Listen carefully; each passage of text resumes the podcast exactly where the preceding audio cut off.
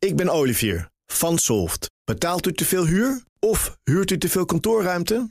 Solft heeft de oplossing. Van werkplekadvies, huuronderhandeling tot de verbouwing. Wij ontzorgen u. Kijk voor al onze diensten op soft.nl. Altijd en overal alle programma's live luisteren. Download de gratis BNR-app.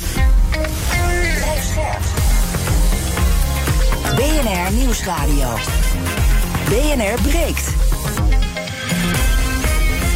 Conor Klerks. Welkom bij BNR Breekt. Vanaf half twaalf praten we over het nieuws van de dag. Lang kreeg long-covid, ondanks noodkreten van patiënten, amper aandacht. Nu bombardeert RIVM-baas Jaap van Dissel het plots tot hoofdthema. Maar is dat niet veel te laat? En waarom was er lang weinig aandacht voor deze groep patiënten?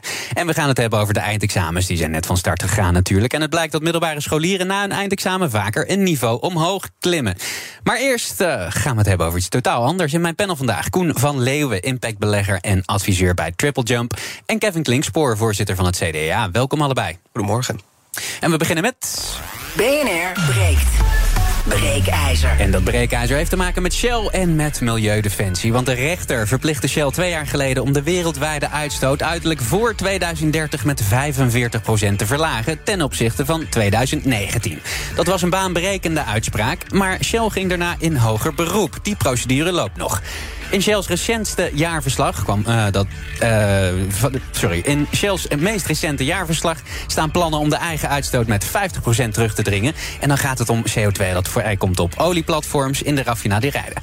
Maar 95% van de uitstoot van Shell komt vrij bij verbranding van het gas. En ja, daar doen ze dan weer helemaal niks aan. Onze breekijzer. Zolang mensen tanken, kan Shell het klimaatprobleem niet oplossen. Ben je het eens met de bestelling en vind je het hypocriet dat mensen zoveel kritiek hebben op Shell? Maar uh, ja, doe je er zelf niet zoveel aan? Bel dan 020 468 4x0. Of vind je Shell moet zich uh, gewoon aan de regels houden? Dat kan ook. 020 468 4x0. Wil je niet bellen, maar wil stemmen? Doe het dan via de stories van BNR Nieuwsradio op Instagram. Aan het einde van dit half uur krijg je een tussenstand van me. Ook bij ons in de studio, klimaat en energie. Andersom moet ik zeggen, energie- en klimaatverslaggever Mark Beekhuis. Dag Mark. Ah, Connor. Hoe kijk je naar ons breekijzer? Ja, het klopt precies. Zolang mensen tanken en zolang Shell blijft leveren, zal natuurlijk het klimaatprobleem niet opgelost worden. Ja. Dus die stelling, die, uh, die durf ik wel te onderschrijven.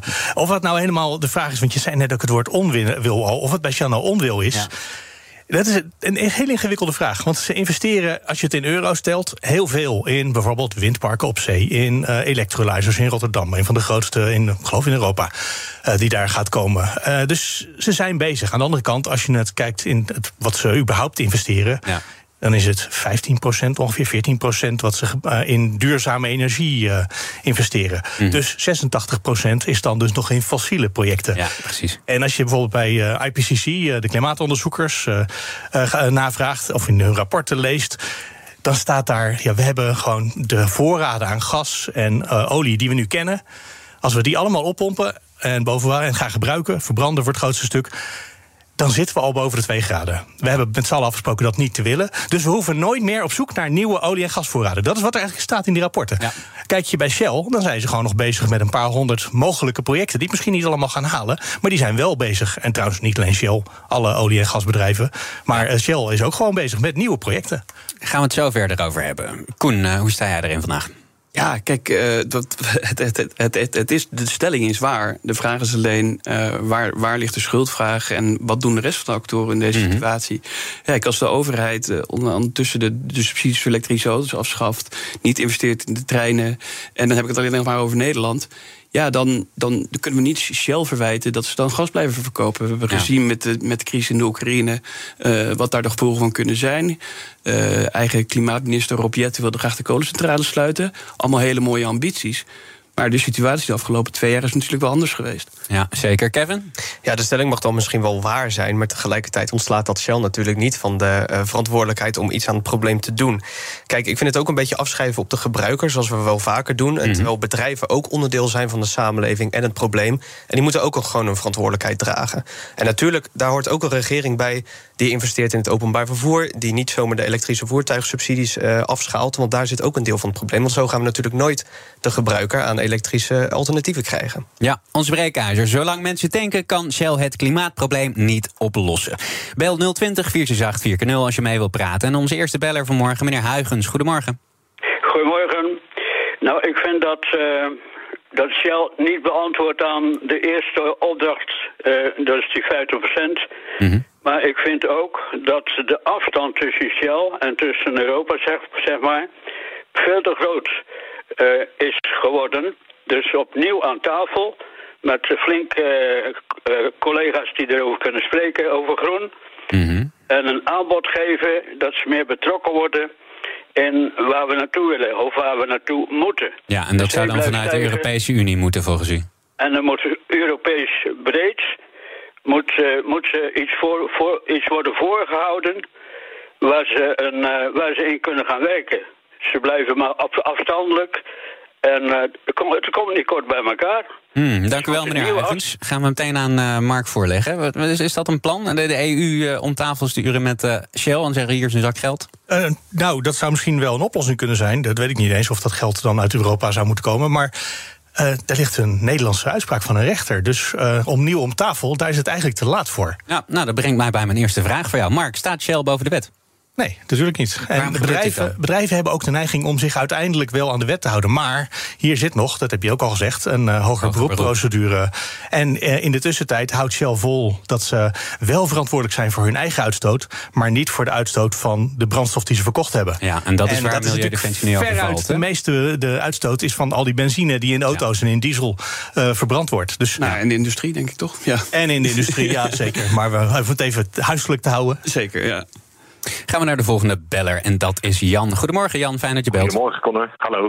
Nou, ik uh, denk dat Shell uh, ja, wel uh, zijn best doet om te investeren in, in, in, verbeteringen in het verkrijgen van, van brandstoffen. Zoals inderdaad al werd genoemd, de windmolens op zee en zonneparken. Maar ook hebben ze bedrijven opgekocht die gaan zorgen voor kleine uh, kerncentrales uh, waarmee ook stikstof uh, geproduceerd kan worden. Mm -hmm. En ja, uh, het is prima dat er allerlei clubs als Milieudefensie en andere uh, milieuklagers uh, zijn die aan de kaak stellen dat Shell nog steeds natuurlijk veel geld verdient met fossiele brandstoffen. Maar deze partijen die brengen zelf het geld niet mee waar eventueel die energietransitie mee kan worden verwezenlijkt. Hmm.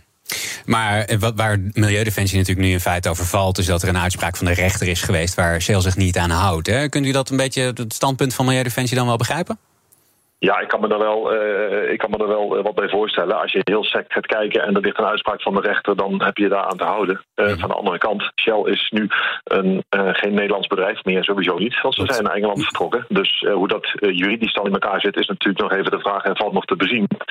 En daarnaast is het ook zo dat sommige dingen waar rechters uitspraken over doen, ook niet altijd technisch te verwezenlijken zijn al. Hmm. Nou, dat is meteen een goede vraag voor Mark. Is het technisch te verwezenlijken wat de rechter wil? Uh, de Shell zegt dat het misschien wel onhaalbaar is voor een stuk. Ah, misschien wel um, onhaalbaar, maar het klinkt niet alsof ze het heel hard geprobeerd hebben. Nee, dat, nou, op het ogenblik staan er ook geen doelstellingen voor. Wel voor hun eigen deel, maar niet voor ja. de rest van de wereld. Daar hebben ze gewoon geen doelstelling voor. Terwijl daar uh, toch ook de rechter wel een opdracht heeft meegegeven. dat ze wel, wat was het ook weer, een zwaarwegende inspanningsverplichting hebben. om 45% ja. van de uitstoot door uh, brandstoffen die ze verkocht hebben uh, te beperken. En ik zou werkelijk niet weten hoe Shell ervoor kan zorgen dat wij 45% minder uh, CO2 uitstoten via de benzine in onze auto's. Anders dan door hem niet te verkopen.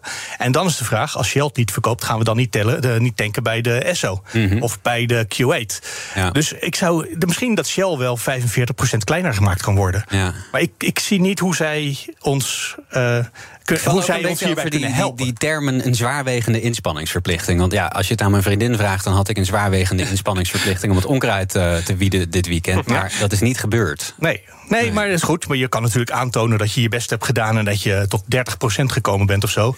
Denk je, dat is echt, ja, dat, dat zijn niet alle tegels, maar wel de meeste tuintegels. Mm -hmm. Um, maar het zou wel helpen, toch? Maar dat doen ze ook eigenlijk niet, of wel? Ja, nou, maar ik moet ook zeggen... ik heb Milieudefensie hier vanmorgen nog precies even naar gevraagd. En die mm -hmm. zeggen dan, ja, het mooie van deze uitspraak... is dat wij er niks van hoeven te vinden. Gewoon, er staat een doel en Shell moet het regelen. Want zij zijn degene die de vervuiling veroorzaken. Ja. Ja, Kevin zei net ook, het, uh, we moeten misschien het niet bij het individu neerleggen, maar bij het bedrijf wat erachter zit. Wat voor soort maatregelen denk je aan? Want ik, ik zou het werkelijk echt heel moeilijk vinden om te bedenken wat Shell zou kunnen doen. Zelfs als ze bereid zou zijn daar heel veel geld aan uh, op te offeren. Ja, dat vind ik zelf ook moeilijk om daar iets aan op te hangen. Maar tegelijkertijd heb ik er ook wel een nare nasmaak aan als ik jou hoor zeggen dat 86% van het budget wat uh, Shell nog uh, doet aan, aan uh, dingen investeren, dat dat nog steeds gaat naar het zoeken naar nieuwe velden en dat soort dingen. Dat getuigt natuurlijk aan de kant van Shell natuurlijk ook niet van een sterke bereidwilligheid om iets aan het probleem te doen. Dus ja, ik heb er misschien niet zelf gelijk een concreet voorbeeld bij, maar ja, toch iets aan de kant van Shell om meer te doen aan investeringen in groene energie en dat soort zaken. Dat zou toch op zijn minst kunnen. Gaan we naar de volgende beller en dat is Frodo Dekker. Goedemorgen, Frodo. Ja, goedemorgen. Uh, ja, ik vind er ook wat van natuurlijk. Maar, uh... Kom maar door. Daar, daar, daar, dat is precies waar dit programma op gestoeld is. Ja, ja nee, ik ben het volledig eens met de stelling. Kijk, zolang, als wij blijven denken, zal Shell moeten pompen. Ja. Uh, maar het is dus symbool of, nou, rechtszaken en demonstraties. Waar het pijnpunt ligt, is natuurlijk de burger. Maar de burger kan het ook niet helpen dat ze auto's moeten kopen die veel te zwaar zijn. Mm. De gemiddelde elektrische auto is 2000 kilo. Of neem, uh, kijk, vroeger had je al lang auto's die konden 1 op 40 rijden.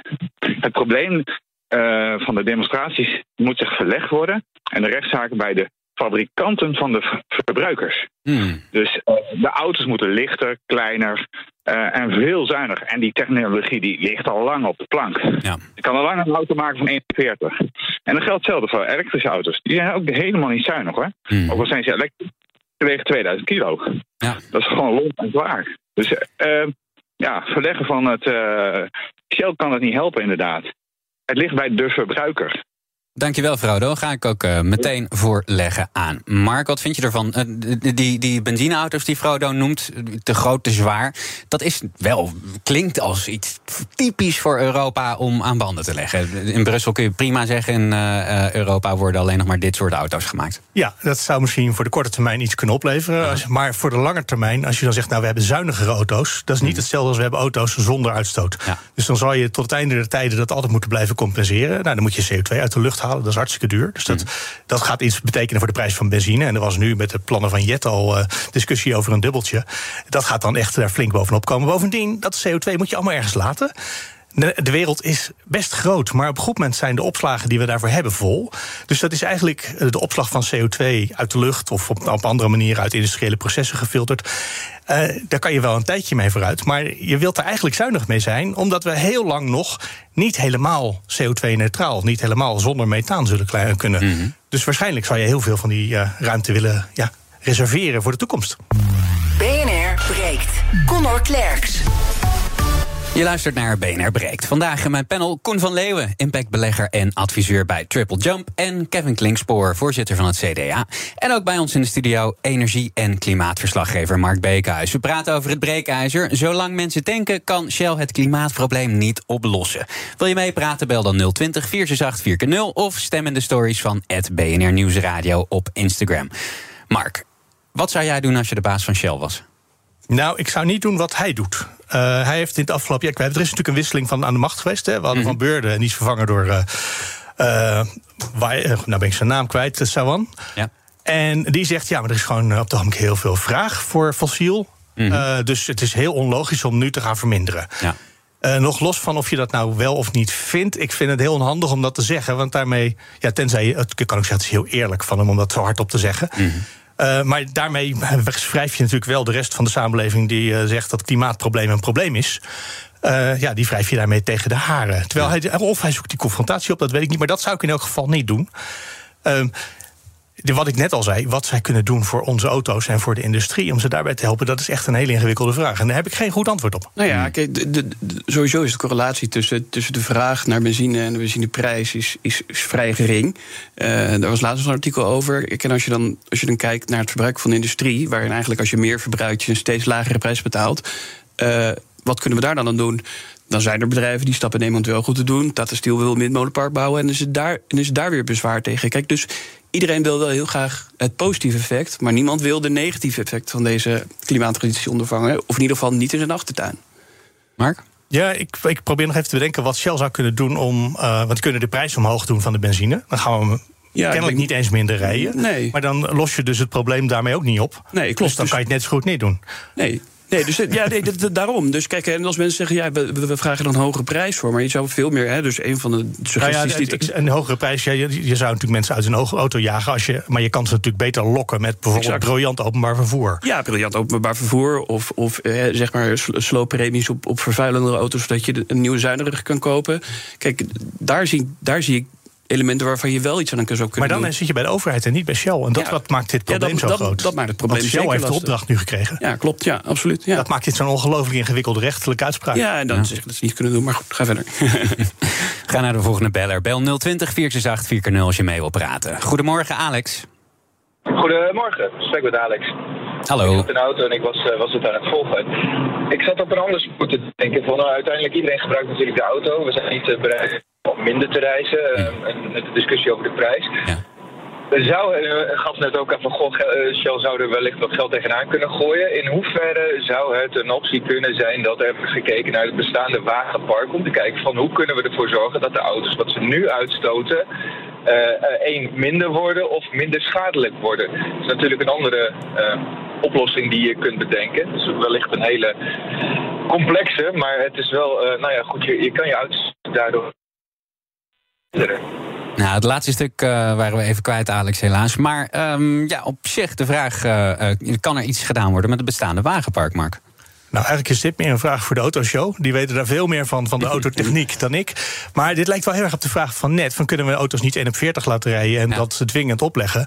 Maar de vraag blijft nog steeds of je daarmee in de buurt van nul uitstoot komt. Want er zijn gewoon heel veel auto's die heel veel kilometers rijden. En bijvoorbeeld, er kwam pas een rapport uit van een uh, groep die onderzoek deed naar het energiesysteem van de toekomst. En die zeiden: een van de belangrijke dingen is dat we minder, juist wat Alex dus niet wil, maar dat we minder gaan, uh, gaan reizen. Bijvoorbeeld omdat we dichter bij ons werk gaan wonen. En hmm. omdat dat kan, omdat kantoren en uh, woonwijken weer die nu uit elkaar gehaald zijn, dat we die steeds meer door elkaar heen mengen. Waardoor je dus op de fiets kan of uh, een stukje kan lopen naar je kantoor. Dus als je de samenleving anders inricht, dit is ook weer een probleem van een oplossing buiten Shell om. Hè. Maar goed, als je de samenleving echt heel anders inricht, dan kan je wel misschien uh, de hoeveelheid reizen en daarmee de hoeveelheid autokilometers reduceren. Ja. Ik hoor veel zaken aan de kant van de overheid. En die overheid die werkt op het moment natuurlijk niet mee. We zeiden net natuurlijk al het openbaar vervoer dat afgeschaald wordt. Steden die nog steeds op, uh, of tenminste nieuwe wijken die nog steeds op autogebruik zijn ingericht. En inderdaad niet op loop- en fietsafstand. Ja, en natuurlijk nog die elektrische autosubsidie die, uh, die weggehaald is. Nou, en laat het, het is leuk als we de, de, de, het werk dichter bij de woningen willen brengen. Maar we hebben ook nog een woningcrisis. Uh, dus ik vraag me af hoe we dat dan gaan realiseren. Dus ja. Gaan we naar de volgende beller. En dat is Tom. Goedemorgen, Tom. Goedemorgen. Er is misschien een manier voor Shell om de reductie van de eindgebruiker ook te beïnvloeden. Ze zijn toch een, uh, bezig om een netwerk te bouwen van uh, elektrisch laden op alle benzinestations. Mm Ik zou zeggen, laat Shell gewoon de elektriciteit gratis maken de komende twee jaar. Moet je zien wat er dan gebeurt. En wie zou ze dat op moeten, uh, op moeten leggen, Tom?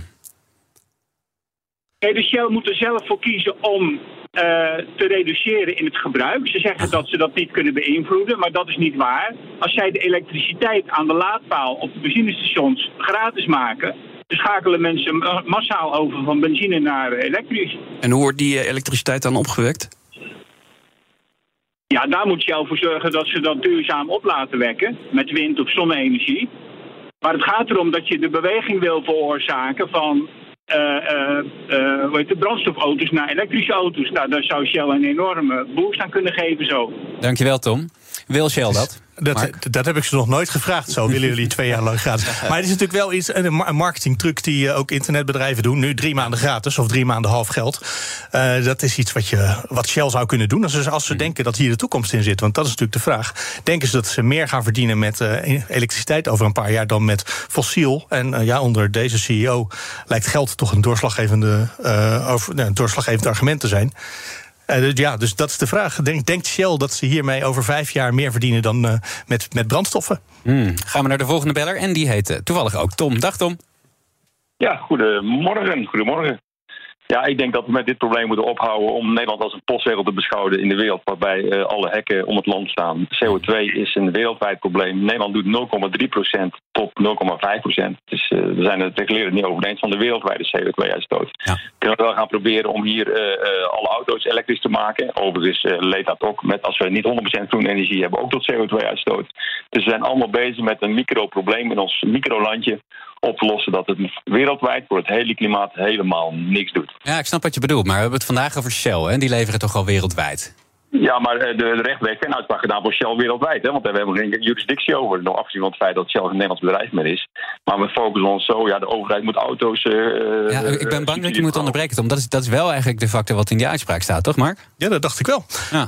Het gaat over de, de uitstoot van CO2 in het hele bedrijf in wereldwijd. En volgens mij toch ook de scope 3, dus dat is de uitstoot mhm. van de gebruikers, ja. uh, ook wereldwijd. Gaan we naar de volgende beller en dat is Bert. Goedemorgen. Goedemorgen. Goedemorgen Bert. Ja, dag met uh, Ben Capella. Goedemorgen. Ik uh, heb jullie programma uitgeluisterd. Uh, ik vertegenwoordig mijn bedrijf Cleantech Aviation en ASC Skyline op Breda en Groningen. En in Branswijk. Wij hebben een, een, acht jaar geleden een project gestart die, om je een idee te geven, de zuigermotoren van de vliegtuigen op een transitie brengt van het gebruik van LNG, in de verbrandingsmotor, ook in de staatmotor van de verkeersvliegtuigen. Alleen op Schiphol actieën jaarlijks uh, eh, 20 minuten de 1400 vliegtuigen. En die stoten jaarlijks alleen die straalmotor achter de 7,5 miljoen huizen maar 500 kub CO2 uit. Dat reduceren we met onze oplossing. Dat zou een transitiefase kunnen betekenen, maar uiteindelijk ook dezelfde motor gebruiken om elektro uh, naar de hoofdwielen te brengen, waardoor de hoofdmotoren uitgezet kunnen worden. Maar verdient elke luchtvaartmaatschappij een miljoen euro brandstofkosten voor taxiën per jaar. En over Europa, alleen voor één vliegtuig, besparen we 75 miljoen huizen maal 500 kub CO2. Ja, dat is een behoorlijke, behoorlijke besparing, Bert. En dan moet u dus kijken naar LNG, uh, eh, zeg je.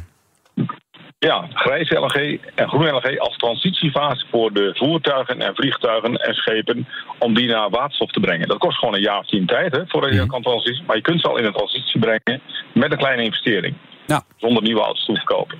Dankjewel Bert. Nou Mark, het duurde een half uur, maar het W-woord is gevallen. Waterstof, is dat de oplossing? Waterstof is een deel van de oplossing. Zoals mhm. bijna alles waar je het over kan hebben... een deel van de oplossing kan zijn. Wat ik ingewikkeld vind aan deze, als ik even denk vanuit uh, Milieudefensie nu... Uh, die, die zouden natuurlijk het liefst willen dat Shell in één keer de overstap maakt naar de eindoplossing. En dat ze niet allerlei tussenstapjes gaan doen waarin we minder CO2 uitstoten, maar waarin gewoon zeggen: nou, fossiel is gewoon het probleem. Mhm. En uh, in één keer over naar uh, een oplossing waarin uh, de CO2-uitstoot er niet meer is. Want dat is uiteindelijk waar je toch heen wilt. Dus waarom zou je dan allerlei tussenstappen maken die allemaal weer investeringen en allerlei risico's in zich hebben? Dat je dan denkt, oh, dit bevalt ons eigenlijk ook wel. En dat je daar dan blijft hangen. Mhm. terwijl je daarmee het klimaatprobleem niet oplost. Nou ja, als, als investeerder noem je dat het uitmanagen van de huidige portefeuille. Dus er, hebben mensen ja. investeringen gedaan. En als je in één keer overgaat, dat is prima. Maar dan moet er wel een redelijke prijs worden betaald. Bekijk even vanuit de milieu zeker, zeker, zeker. Ik snap het ook. Dus uh, ja, ik denk dat die tussenstapjes natuurlijk... Hè, iedereen wil direct naar een nieuw paradigma. Alleen daar moet je uh, algehele afspraken over maken. En ja, laat dat nou net het probleem zijn. Ja, nou ja, maar goed, deze meneer die maakt natuurlijk een nieuw systeem voor vliegtuigen. En ja. vliegtuigen is zo'n nieuwe stap. is echt een ingewikkelde grote stap. Want dat mag pas als het echt veilig is. Tuurlijk. Ik zou denken, deze stap is misschien Misschien dat hij op de korte termijn heel veel oplevert, dat weet ik niet hoor. Maar misschien dat dit nou net niet de plek is. Terwijl dat voor op heel veel andere plekken, dat je denkt, nou kunnen we er ietsje handiger draaien. Een klein beetje fine-tunen aan de industrie die we al hebben. Van de, van de motoren die we al hebben. Ja. En dat het daar, dat, uit, dat uitmanagen, zoals jij het noemt. Ja. ja dat, het daar meer uh, logica in zich heeft.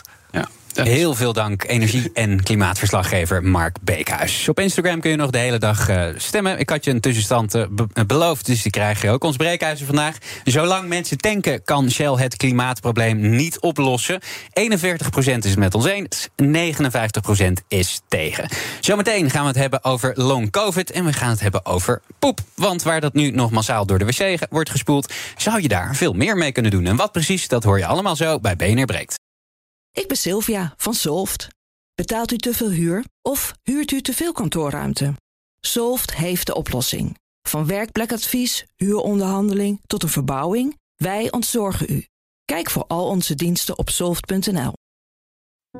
De mensen van Aquacel houden van zacht. En dat merk je aan alles. Dankzij hen hebben we nu echt zacht water en een kalkvrij huis. Voor hun klanten zijn ze zacht. Dat zijn ze trouwens ook voor elkaar. Voor ons zijn zij de kracht van zacht. Aquacel. 100% zacht water, 100% kalkvrij. BNR Nieuwsradio. BNR breekt. Conor Klerks. In mijn panel vandaag Koen van Leeuwen, impactbelegger en adviseur bij Triple Jump. En Kevin Klinkspoor, voorzitter van het CDJA. We gaan praten over het nieuws van de dag. Misschien ken je deze persconferenties nog wel. In één zin samengevat: Nederland gaat nog een keer in lockdown. Nou, gelukkig niet meer. Tegenwoordig is corona voor de meeste van ons een herinnering geworden. Maar 100 tot 400.000 Nederlanders hebben long-covid. En voor hun is dit virus eh, nog steeds echt wel de orde van de dag. Desondanks krijgen long-covid-patiënten weinig tot geen steun van de overheid. Dat blijkt uit onderzoek van het AD. Critici zeggen dat eh, de overheid te laat heeft gehandeld. En dat het kabinet nu zo snel mogelijk orde op zaken moet stellen om long-covid-patiënten te helpen.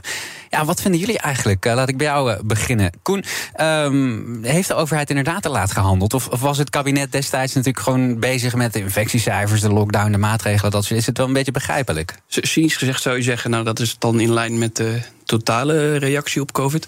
Maar nee, um, ik ik weet niet of ze te laat hebben gehandeld. Ik kan me ook voorstellen dat je, als je midden in een crisis zit, eerst de bestaande crisis probeert op te lossen en daarna gaat onderzoek gaat doen naar de langdurige klachten. Um, ja, ik ben geen wetenschappelijk onderzoek op medisch gebied. Dus ik kan me goed voorstellen dat het een tijd kost om, uh, om zeker te weten en relevante data te verzamelen om dit onderzoek te doen. Ja. Dus ja, ik kan, daar, ik kan er niet direct een orde over vellen, maar uh, ja. Kevin, wat denk jij? Ja, het is toch een beetje makkelijk gezegd. En met voortschrijdend inzicht achteraf hadden we het altijd anders gedaan. Mhm. Kijk, ik denk dat het een goed voorbeeld is van korte termijn denken van de mensen. Als we mensen op de intensive care zien belanden, dan, uh, dan is het ineens heel erg echt voor ons. Ja, en, en long COVID, ja, dat, dat bekruipt je, dat is dan iets chronisch. En daar hebben we dan toch minder aandacht voor. Dus ik denk, het zit ook in de mens, zeg maar, hoe we reageren.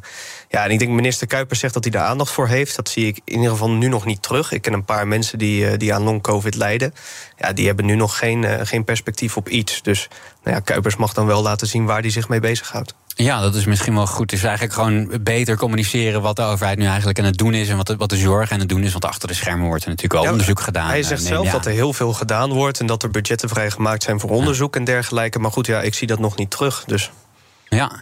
ja, er wordt nu geroepen om uh, alle long-covid-patiënten centraal te registreren. Dat is volgens uh, eh, RIVM-baas Jaap van Dissel hard nodig om mensen te helpen. Maar volgens minister Kuipers dan weer onnodig. Hij zegt dat ziekten zoals dementie of Parkinson ook geen registratie hebben. Kon jij er het nut van in, zo'n registratie?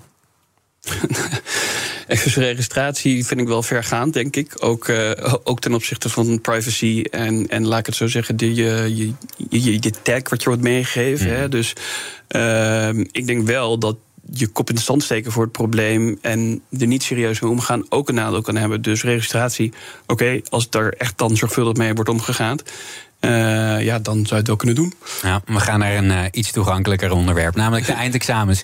Middelbare scholieren gaan vandaag verder met hun eindexamen. En voor een groot deel uh, van die jongelui zal het niet de laatste keer zijn dat ze hem maken. Want steeds meer leerlingen die maken na het examen de overstap naar een hoger niveau binnen het voortgezet onderwijs. Dat blijkt uit cijfers van de onderwijsinspectie. Ja, Kevin, jij bent nog niet super lang geleden natuurlijk. Wanneer heb jij eindexamen gedaan? 2018 heb ik 2018. Gedaan. En was het op de haven op de VWO? Op het VWO. Op het VWO, ja. Dan kan je natuurlijk niet, uh, niet veel hoger. Hè? Het klinkt natuurlijk positief in steeds hoger opgeleide uh, bevolking. Maar je hoort ook wel vaker dat, dat, dat eindexamens een beetje te makkelijk worden. Horen jullie dat ook? Uh, dat hoor ik ook wel terug. Dat hebben we ook wel in de coronageneratie gezien. Hè, dat, uh, dat dat toch wel makkelijk met, uh, met de normen om werd gegaan. Ik denk dat er nog wel wat anders achter zit. Ik heb een tijdje ook op mijn oude middelbare school gewerkt. Dus oh. ik heb de andere kant ook gezien. En ik zie hoe ontzettend veel mensen van 4 MAVO... inderdaad naar het eindexamen naar 4 HAVO gaan. En ja. 4 HAVO is echt letterlijk, om het maar niet licht te zeggen... echt een slagveld. Dat is echt 14% of zo zijn de cijfers die daar nou ja, het jaar over moet doen, een doubleur is. Ja, volgens mij zit daar gewoon een, een inherent idee in onze samenleving achter dat nou ja, je moet maar steeds hoger en het is niet goed genoeg. Terwijl volgens mij moeten we van het idee af dat HAVO en VWO hoger zijn dan de MAVO. Hè. Het, het zijn wat dat betreft gewoon horizontale dingen. En iemand die het MBO na de MAVO heeft afgemaakt... en iemand die de universiteit naar het VWO of, of, of, het HBO naar de HAVO heeft afgemaakt... ja, sorry, maar dat zijn wat mij betreft allemaal gelijkwaardige dingen. Ook al zijn ze verschillend, hè? Eh, laat, dat, uh, laat dat wel vaststaan. Ja, ja, misschien zou je het kunnen bekijken zoals dat je. Uh, de ene is bijvoorbeeld heel goed in Duits en de ander uh, is veel beter in, uh, in wiskunde. Zo zou je ook kunnen kijken naar technische vakken en ja, theoretische vakken. Ja. Maar dan, dan kom je ook weer een beetje bij, bij dat typische Nederlands. Hè, dat we gaan selecteren op basis van kids van een jaar of 10, 11 die een CITO-toets maken. En daarmee ligt dan eigenlijk je toekomst al voor de komende jaren vast. Zouden we daar vanaf moeten, Koen? Ik weet niet of je daarvan af moet. Ik denk wel dat je heel goed moet gaan kijken naar uh, de achtergrond van zo iemand. Dus hè, het blijkt ook uit de cijfers dat het vaak de hoogopgeleide ouders of de mensen die hoogopgeleid, dat die eerder een advies krijgen. Uh, en dat dat statistisch niet klopt. Hè? Dus dat je statistisch zou moeten zien dat in ieder geval uh, de groep meer, meer advies moeten krijgen. Die krijgen dan toch een lager advies. Dus ook mm -hmm. vaak met een migratieachtergrond. Ja zie je die, die adviezen lager uitvallen. Dus uh, ze gaan vaak één niveautje hoger of blijven op hetzelfde niveau. Maar dat niet. Dus ik denk dat je daar wel wat aan kan doen. Uh, ik, vind die, ik vind die doorstroom omhoog wel positief. Zeg ik niet dat, dat, het, dat je ook niet hè, een praktische opleiding kan doen en daar kan blijven. Vind ik ook heel goed. Maar het, het doorstromen en het stapelen, ik denk dat dat het een prima positieve ontwikkeling is. Ja, komen we op een gegeven moment misschien wel met een. Uh, of ja, dat hebben we eigenlijk al een, een beetje een overschot aan uh, hoger opgeleiden, zoals we het nog noemen. Ja, dat, dat, dat klopt. En daar zie je ook tekorten onder staan. Maar ja, dat, dat lost de markt dan wel weer vanzelf op, denk ik zo. Ja, denk je? ja, ik denk het wel. Dat is overigens altijd wel cru. Hè? Op het moment dat je dan eindelijk tekorten hebt aan MBO-geschoolde mensen, dan gaan we pas het MBO goed waarderen. Dat, ja. uh, dat zie ik ook wel terug in deze samenleving. Ja, dat is wel hard, ja. Hoe zouden we dat kunnen veranderen? Je noemde zelf al uh, um, eigenlijk de manier van kijken en de manier van praten over lager en hoger uh, opleiden. Hè. We hebben het wel vaker gehoord, praktisch geschoold, ja, zou je bijvoorbeeld kunnen, kunnen zeggen. Wat kunnen ze nog meer doen? Ja, ik denk dat het ook een cultuurverandering is thuis en op scholen. Ik denk dat heel veel mensen inderdaad hun kinderen pushen van... nou ja, hè, probeer nou HAVO, probeer nou VWO. Ja. Zo, je, ja, je zou ook gewoon genoeg kunnen nemen met een... Uh, nou ja, ik zet het nu even tussen haakjes, lager hè, schoolopleiding. Ja. Dus ja, het, volgens mij heeft het gewoon met een bredere cultuurverandering uh, te maken. Mm. Het aantal zittenblijvers, uh, je had het er zelf net ook al uh, uh, over, dat stijgt al sinds 2016. En de onderwijsinspectie zegt: de prestatiedruk is toegenomen en leerlingen hebben een flinke, flinke achterstand opgelopen door corona. wat, wat deed je eigenlijk precies op de middelbare school? Gaf je daar les? Ja, ik gaf les. Ja. In welk vak? Wiskunde en natuurscheikunde. En welk jaar was dat? Dat was in de eerste en tweede klas. Dus die kwamen pas net binnen. Nee, sorry. wanneer was dat? Was het twee, oh, sorry. jaar uh, ja, dat was tussen 2019 en 2022. Dan heb je dus ook echt die corona ja, ja, ook dat gezien. Uh, Ik hoor namelijk van alle kanten, ook van een vriendin van me die, die, die uh, les geeft... dat corona echt zo'n grote impact heeft op de ontwikkeling van de jongeren. Ja, zeg je dat ook? Ja. ja, zeker. Het is niet zozeer zeg maar, dat ze vakinhoudelijk... overigens lopen ze daar ook in achter... maar ze ja. weten gewoon doorgaans niet hoe ze moeten leren... hoe ze hun huiswerk moeten maken. Ja. Die vaardigheden die lopen zo enorm achter achter, omdat je gewoon een tijdje achter je beeldscherm. Ja, je had natuurlijk geen druk om iets te doen. Mm -hmm. uh, en daar werden natuurlijk ook de normen verlaagd. Dus je werd vaak ook nog eens overgeplaatst naar het volgende, naar het volgende jaar. Ja. ja, en daar zie je gewoon nu heel veel mensen op vastlopen. Ik denk, ja, ik, ik, ga, ik hou mijn hart toch een beetje vast over de slagingscijfers voor deze eindexamenperiode. Mm -hmm. Dit is toch wel de generatie die het meeste last heeft gehad, zeg maar, van corona op de middelbare school. Ja. Dus ik ben ook heel erg benieuwd of je dat in die slagingscijfers straks, uh, straks gaat terugzien. Maar is dan volgens jou ook een sociaal proces? Want uh, leren leerlingen ook van elkaar? Of hebben ze sociale controle op het maken van hun huiswerk? Of in de coronatijd ja. was het wat minder? Wat, wat ik, ik denk dat het inderdaad het sociale proces is. Hè? Dus ook inderdaad controle van, van anderen. Oh, die maakt wel zijn huiswerk, dus ik moet het ook doen. Mm -hmm. ja, en toch van elkaar uh, samen leren. Ik denk dat dat onderschat wordt hoeveel meerwaarde dat heeft in een klaslokaal. Ja, ja en hoe uh, moeilijk het eigenlijk is om mensen te motiveren achter een beeldscherm. Dat zag je ook in En de drempel om iets te vragen of zo. Dus ik kan me voorstellen dat je het eerder aan een klasgenoot vraagt en een docent. Of minder vaak, minder snel vanaf je scherm dan als je in de ja, klas klopt, zelf zit. Klopt, dat zag je ook bij de studentengeneratie, in mijn generatie. Je, je hebt mensen die dat heel makkelijk doen en heel makkelijk gedijen in zo'n mm -hmm. online omgeving.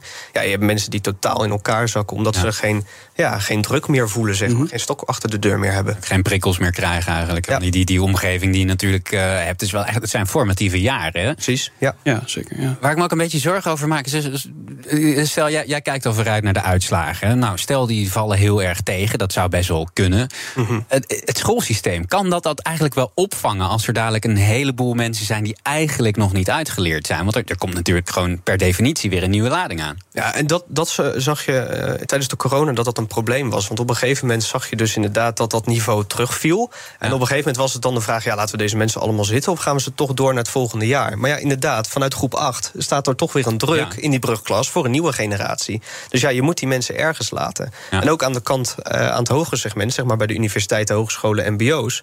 daar hoor je ook, ja, we krijgen mensen binnen... die eigenlijk nog niet op het niveau zitten van waar we ze willen hebben... en die nog niet goed mee kunnen. Dus ja, het is, het is ontzettend lastig. accepteren, omdat ja, het, als, eh, dit, is, dit is natuurlijk wel echt en eh, ja, hier doe je helemaal niks aan. Dit is zo'n pandemie. Dat, dat zijn ja, omstandigheden waar je ja, niemand de schuld van kan geven. Er zijn, er zijn een beetje extra gelden vrijgemaakt voor middelbare scholen voor extra begeleiding en dat soort dingen. Ja, maar dat is ook ondertussen een beetje het maximum wat je kan doen. Het is natuurlijk heel lastig om ja, die jaren die je bent kwijtgeraakt om corona, om die weer in, in, in zo'n mate weer terug te krijgen alsof je 2,5 jaar gewoon normaal onderwijs hebt gehad. Dat is natuurlijk bijna niet te doen.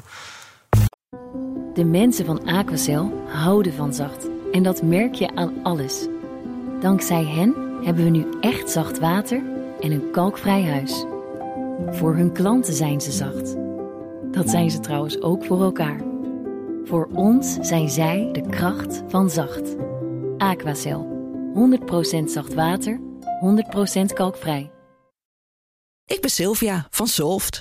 Betaalt u te veel huur of huurt u te veel kantoorruimte? Solft heeft de oplossing. Van werkplekadvies, huuronderhandeling tot een verbouwing, wij ontzorgen u. Kijk voor al onze diensten op soft.nl. BNR breekt. Tot die tijd gaan we verder met BNR breekt. En mijn panel vandaag bestaat uit Kevin Klinkspoor, voorzitter van het CDJA en klaarblijkelijk oud-docent. En Koen van Leeuwen, impactbelegger en adviseur bij Triple Jump. Koen, we beginnen bij jou. Wat is jou vandaag in het uh, nieuws opgevallen? Nou ja, de, de grote droogtes in, in Zuid-Europa. Ja. En we hadden, het, uh, we hadden het begin van deze uitzending natuurlijk... keek over de verantwoordelijkheid van, van Shell en klimaatverandering... en alles wat daarmee te maken heeft. En een, een, een veel gehoord argument is, is vaak hè, om de dingen te reduceren en investeringen te doen... Eh, dat het heel duur is en dat het heel veel geld kost. Ja. En ik denk dat we um, ons bewust moeten zijn van de averse effecten van de klimaatverandering... wat ons direct raakt. Uh, en ik denk als je dat in kaart gaat brengen... Uh, dat je schrikt met wat de, wat de impact is. En uh, dat is niet alleen op drinkwatergebied, maar dat is ook onze agrisector. En dat is ook voor onze dijkbewaking. En ik denk dat mensen dat zich te weinig realiseren. En op het moment dat die urgentie wordt gevoeld en wordt berekend, dat het dan relatief weinig kost om te reduceren. en zo erbij doen we dat altijd climate resilient te worden. Dus, ja, ja, ja, ja, ja, want de, de, de situatie in Zuid-Europa is heel zorgelijk. Hè. Het waterpeil in het Italiaanse Gardameer is in 70 jaar niet zo uh, laag geweest. In Spanje ook uh, dreigen stuwmeren op te drogen. De zomer moet nog beginnen. Wij zagen natuurlijk hier een aantal zomers geleden in, uh, in Limburg de grote gevolgen. Waarom dringt het denk je toch niet door tot nu toe? Um, mensen zijn kortzichtig. Hmm. Van nature. En uh, met, met mensen bedoel ik ook mezelf. Dus mensen zien het pas als, als, als het water aan de lippen staat of als er een ramp gebeurt. Ja. Uh, ik denk als je nu mensen vraagt wat is er twee jaar geleden in de zomer gebeurd, dan zijn mensen dat alweer vergeten. Uh, dus ik denk dat, dat daarom niet de urgentie creatie is. Ja. Kevin, wat denk jij? Nou ja, ik denk zeker eens. Het is gewoon het korte termijn denken van de mens. Ik bedoel, ik kan me nu ook wel mijn zorgen uitspreken. Want ik begrijp ook dat bijvoorbeeld die landbouwgrond, als we zo een beetje doorgaan, ook echt minder vruchtbaar wordt. En dat het gewoon een onontkeerbaar proces wordt. En dat is natuurlijk ook vervelend voor het CDA, toch? Ja. ja, dat is een andere discussie. Maar uh, 2030, 2035. Maar als ik straks de studio uitloop uh, en ik open mijn telefoon weer, ja, dan is mijn aandacht weer, uh, weer naar andere zaken aan het gaan. Dus, dus ja, het zit ook wel een beetje in de mensheid. En dat is eigenlijk wel zonde bij dit soort problemen. Ja, het uh, is nu aan de hand in Zuid-Europa, maar uh, Nederlandse bedrijven, waterbedrijven, die slaan ook al alarm voor de komende zomer in Nederland. We gaan het niet redden, stellen ze. Ja, wat moeten wij dan uh, gaan doen, Koen? Nou ja, uh, mensen bewust maken van het probleem. Uh, en uh, goed kijken naar hoe we duurzamer met ons water kunnen omgaan. Ten eerste is het drinkwater in Nederland veel te goedkoop. betekent dan dat je dat veel duurder zou moeten maken? Nee, maar je zou wel niet met drinkwater de wc door kunnen spoelen, bijvoorbeeld. Hmm. Ehm, je zou kunnen kijken naar groene oplossing binnen je tijd. Nou ja, weet je, de, de veesector aan zich verbruikt al heel veel water. Dan heb je het ook nog over de industrie. Dus ik denk dat als wij zeg maar de het verbruik van water mee gaan nemen in het bedrijfsmodel eh, van verschillende bedrijven en huishoudens, dat we dan al een heel, heel stap voorwaarts kunnen maken. Kevin, jij wilde het over Zelensky hebben. Ja, want het begint op te vallen hoe vaak hij in, uh, in buitenlandse hoofdsteden andere, andere staatshoofden of regeringsleiders ja, aan het ja, bezoeken is. afgelopen week wel, hè? ja, ja, nee, hij is uh, zeker afgelopen week. Overigens had ik daar niet zo heel veel moeite mee. Maar hij is nu weer onderweg of is ondertussen alweer in Londen. Hij is in Londen, ja. Uh, ja waar hij zijn ambtsgenoot Sunak ontmoet. Ja, ik denk, nou ja, de president is een, een jaar lang eigenlijk in het land gebleven om nou ja, de verdediging van, van zijn land op te nemen. Ja. Maar ik denk dat we ook in Europa, en hij merkt dat zelf ook, toch een beetje oorlogsmoe aan het worden zijn. We stevenen af uh, deze zomer op anderhalf jaar uh, oorlog aan het ja. Oostfront. Ja, en, en ja, zoals ik zeg, oorlogsmoeheid, ook minder bereidheid om wapens te leveren en dat soort dingen. En ik denk ja, voor Zelensky een, een blijvend charme-offensief, een blijvende aandachtsoffensief naar dat Oostfront is wel van vitaal belang voor, voor hem en zijn land. Dus ja, ik, ik vind het wel belangrijk. En daarom dat ik ook zeg, ja, die, die rel van twee weken terug nu ondertussen, hè, dat is alweer een tijdje terug. Ja, dat, daar heb ik dan wat minder problemen mee dat hij op 4 mei ons land, uh, ons land bezocht. Ja. ja, laten we het daar maar niet meer over hebben. Gaan we niet openbreken. Wat nee, was dat nee. een onzindiscussie, zeg. Maar goed, uh, die tour van uh, Zelensky, ja, die lijkt wel zijn vruchten af te werpen. Een Frans, Franse, Franse ambtgenoot Macron die maakte bekend dat ze lichte tanks en panzervoertuigen gaan sturen en ook tra trainingen.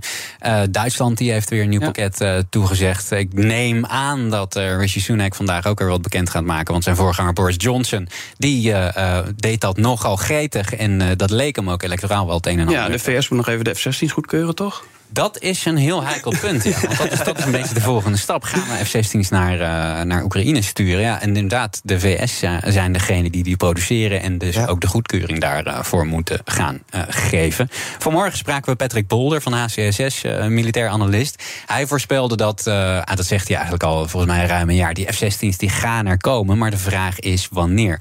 Kevin, vind je dat we daar snel mee over de brug zouden moeten komen? Of is dat toch wel een heel groot risico? Ja, kijk, altijd zul je risico's hebben. Dat hadden we anderhalf jaar geleden hadden we die discussie, of tenminste bijna anderhalf jaar geleden hadden we die discussie op een gegeven moment over wapens en dat soort dingen. Ja, ja op een gegeven moment als je steeds groter materieel gaat toezenden, dan blijf je die discussie hebben. Um, maar goed, laten we ook wel onthouden dat ja, de strijd die daar gevoerd wordt ook een waardestrijd is en de waarde van het Europese continent. Dus ja, daar hangt ook wel een prijskaartje aan. En ja, ik snap dat die discussie gevoerd wordt. Moet ook zeker gevoerd worden. Maar dat er uiteindelijk, hoe je het went of keert, F-16's naar Oekraïne gaan, ja, dat lijkt een beetje onontkoombaar, denk ik. Wij gaan uh, kijken naar wat er trending is op de social media. Bovenaan staat natuurlijk landskampioen. Hashtag Feyenoord. Klaar in de Kuip. Feyenoord is landskampioen. Voor de zestiende keer in de geschiedenis. De beste van het land. Met volle overtuiging. Voor het eerst in zes jaar heeft de Rotterdamse club weer de landstitel te pakken. Om 12 uur wordt die uh, ploeg gehuldigd op het stadhuis daar. En ga je vandaag naar Rotterdam als niet-Feyenoord-fan? Nou, dat kun je beter niet doen. Daarvoor waarschuwt de NS. Stel je reis uit, want er worden tienduizenden fans verwacht. En vlak onder Feyenoord en de hashtaglijstjes zien we hashtag Finland. En dat heeft te maken met de finale van het Songfestival. Was natuurlijk afgelopen weekend. De winnaar is Zweden met het nummer Tattoo van zangeres Loreen. Stukje luisteren?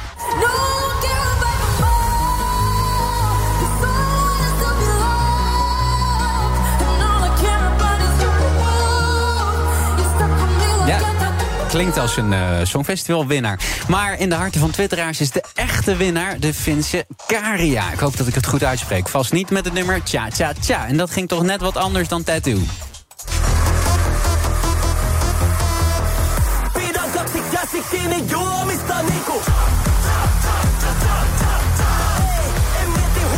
En ook dat klinkt heel erg uh, Eurovisie. Ten slotte zien we nog hashtag Erdogan. Want gisteren sloot de stembus in Turkije voor de presidentsverkiezingen. Maar de winnaar blijft voorlopig onbepaald. Zowel Erdogan als zijn grote rivaal, wiens naam ik niet durf uit te spreken, kregen geen absolute meerderheid van de stemmen. En dus moet er een tweede ronde komen. Die moet over twee weken plaatsvinden. Als het aan de Turks-Nederlandse stemmers ligt, is er overigens wel een winnaar. Hier kreeg Erdogan bijna 69% van de stemmen. En tenslotte nog even kort naar sanitair nieuws. Ja, moet je een grote boodschap doen, uh, dan zijn er tegenwoordig zo'n 30 duurzame boeren die hem graag van je overnemen. Onder het motto Give a shit kon je dit weekend je poep doneren aan boeren die het uh, kunnen gebruiken als menselijke mest. Klinkt misschien grappig, maar de boodschap is heel serieus, zeggen ze. Menselijke mest is namelijk hartstikke duurzaam en broodnodig om een kringlooplandbouw te realiseren. Ja, Kevin, wat vind jij van het plan? Ja, ludiek. En ik denk dat we wel vaker dit soort uh, initiatieven ja, gaan zien. een zakje wegbrengen? Nou, dat weet ik nog niet zo gelijk. Uh, misschien uh, kan je het daar ter plekke uh, afgeven. maar goed, ja, in onze zoektocht naar kringloopeconomie gaan we dit soort initiatieven ongetwijfeld vaker zien. Ja, en de ene zal positiever uitpakken dan de ander, maar we moeten ze in ieder geval serieus nemen. En Koen, wat denk jij?